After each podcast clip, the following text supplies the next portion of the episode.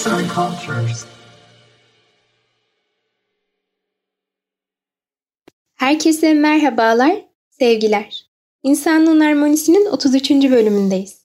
Ben Berfin Karakaya. Bugün hepimizi ilgilendiren güncel bir konuyla karşınızdayım. Bildiğiniz gibi pandemi birçok sektörün sekteye uğramasına sebep oldu.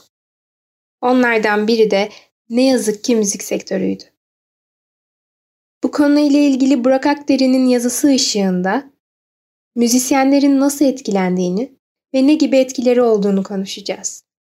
Yalnız sözlerime başlamadan önce sizlere Atatürk'ün bir sözünü aktarmak istiyorum.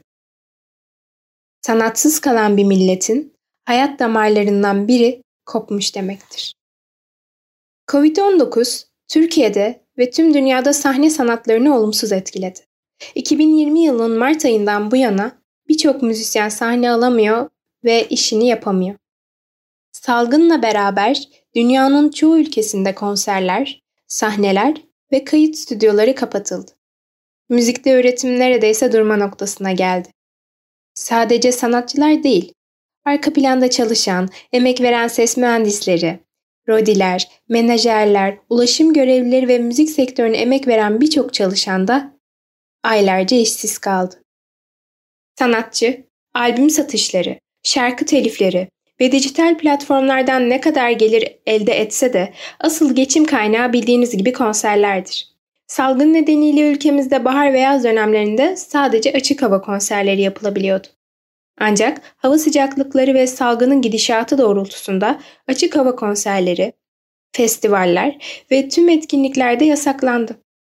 Sahne ve mekan sahipleri de aynı şekilde sektörün bir parçası olarak iş yerlerinin kapalı olmasının oldukça sancılı bir süreç olduğunu belirtiyorlar. Müzisyenler ve sahne sanatçıları birbirlerine destek vermek ve halkı bilinçlendirmek için çoğu zaman sosyal medya kampanyaları düzenleyip bu duruma çözüm aradılar.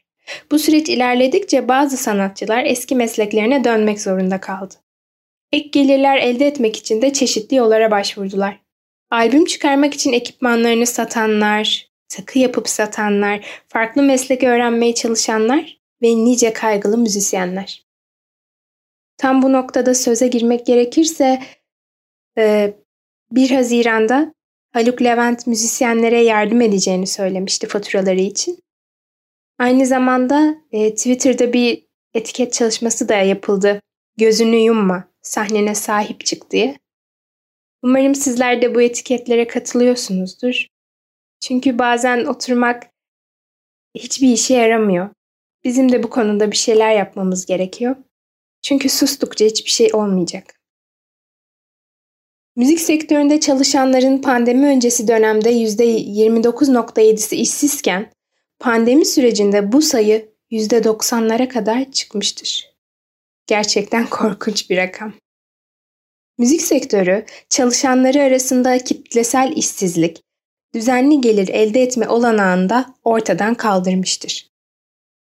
Müzisyenlerin %78'i düzenli bir gelirlerinin olmadığını belirtirken %90.5'i pandemi sürecinde ekonomik durumunun daha da kötüye gittiğini belirtmiştir.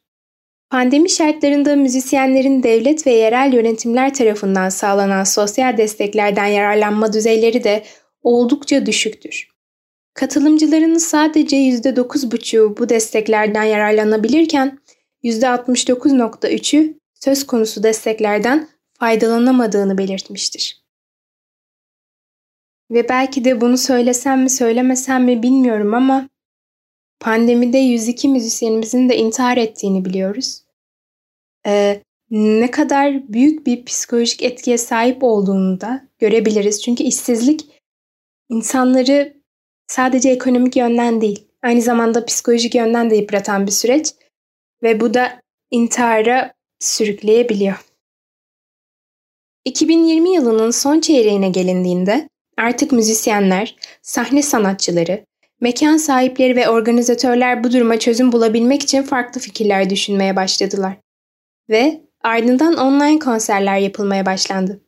Bu durum dinleyici ve sanatçıyı bir nebze de olsa rahatlattı.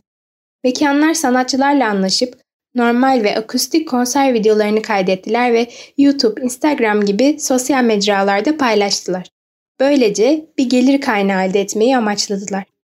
Müzisyenler ve dayanışma toplulukları bu konuda devletin de yardımlarının arttırması gerektiğini ve çözüm sunmasını, sanatçıların statülerini ve sosyal haklarını garanti altına alacak yasaların getirilmesi gerektiğini düşünüyorlar.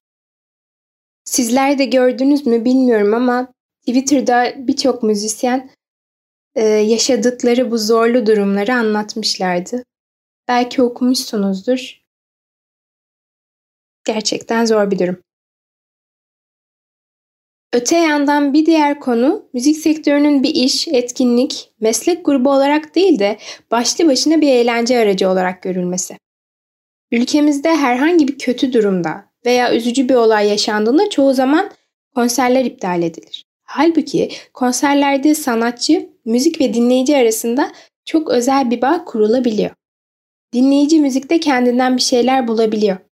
Müzisyen icra ettiği müziğin dinleyici tarafından eşlik edildiğini, sevildiğini, coşkuyla karşılandığını gördüğünde yaşadığı duygu yoğunluğunu ve duygu alışverişini icrasına yansıtıyor. Bu yüzden pandemi döneminde konserlerin ve müziğin dijitalleşmesi sanatçı ve dinleyiciyi bir nebze rahatlatsa da o sahnede olmanın verdiği duyguyu, hissiyatı, doyumu ve hazzı bir başka oluyor. Çoğu müzisyen artık birçok şeyin eskisi gibi olamayacağını ve geri dönüşünün de olamayacağını ifade ediyor. Üretim ve paylaşım alanlarında işler daha zor olacak. Müzisyen eserlerini halka ulaştırmak için daha çok bütçe ayıracak. Müzisyenin sürekli geçim kaynağı olan konserler, insanlar kalabalık ortamlarda bir araya gelmeye korktuğundan ve bu durum bu duruma da zor alışacağı için süreç uzun olacak. E, dolayısıyla dinleyici ve sanatçının buluşması uzun bir zaman alacak. Öyle görünüyor ki müzisyenlerin ve bu sektörün emekçilerinin ortak düşüncesi birlik ve dayanışma içerisinde olarak seslerini duyurabilmek, varlıklarını hissettirebilmek ve pandeminin etkisini en aza indirgemek.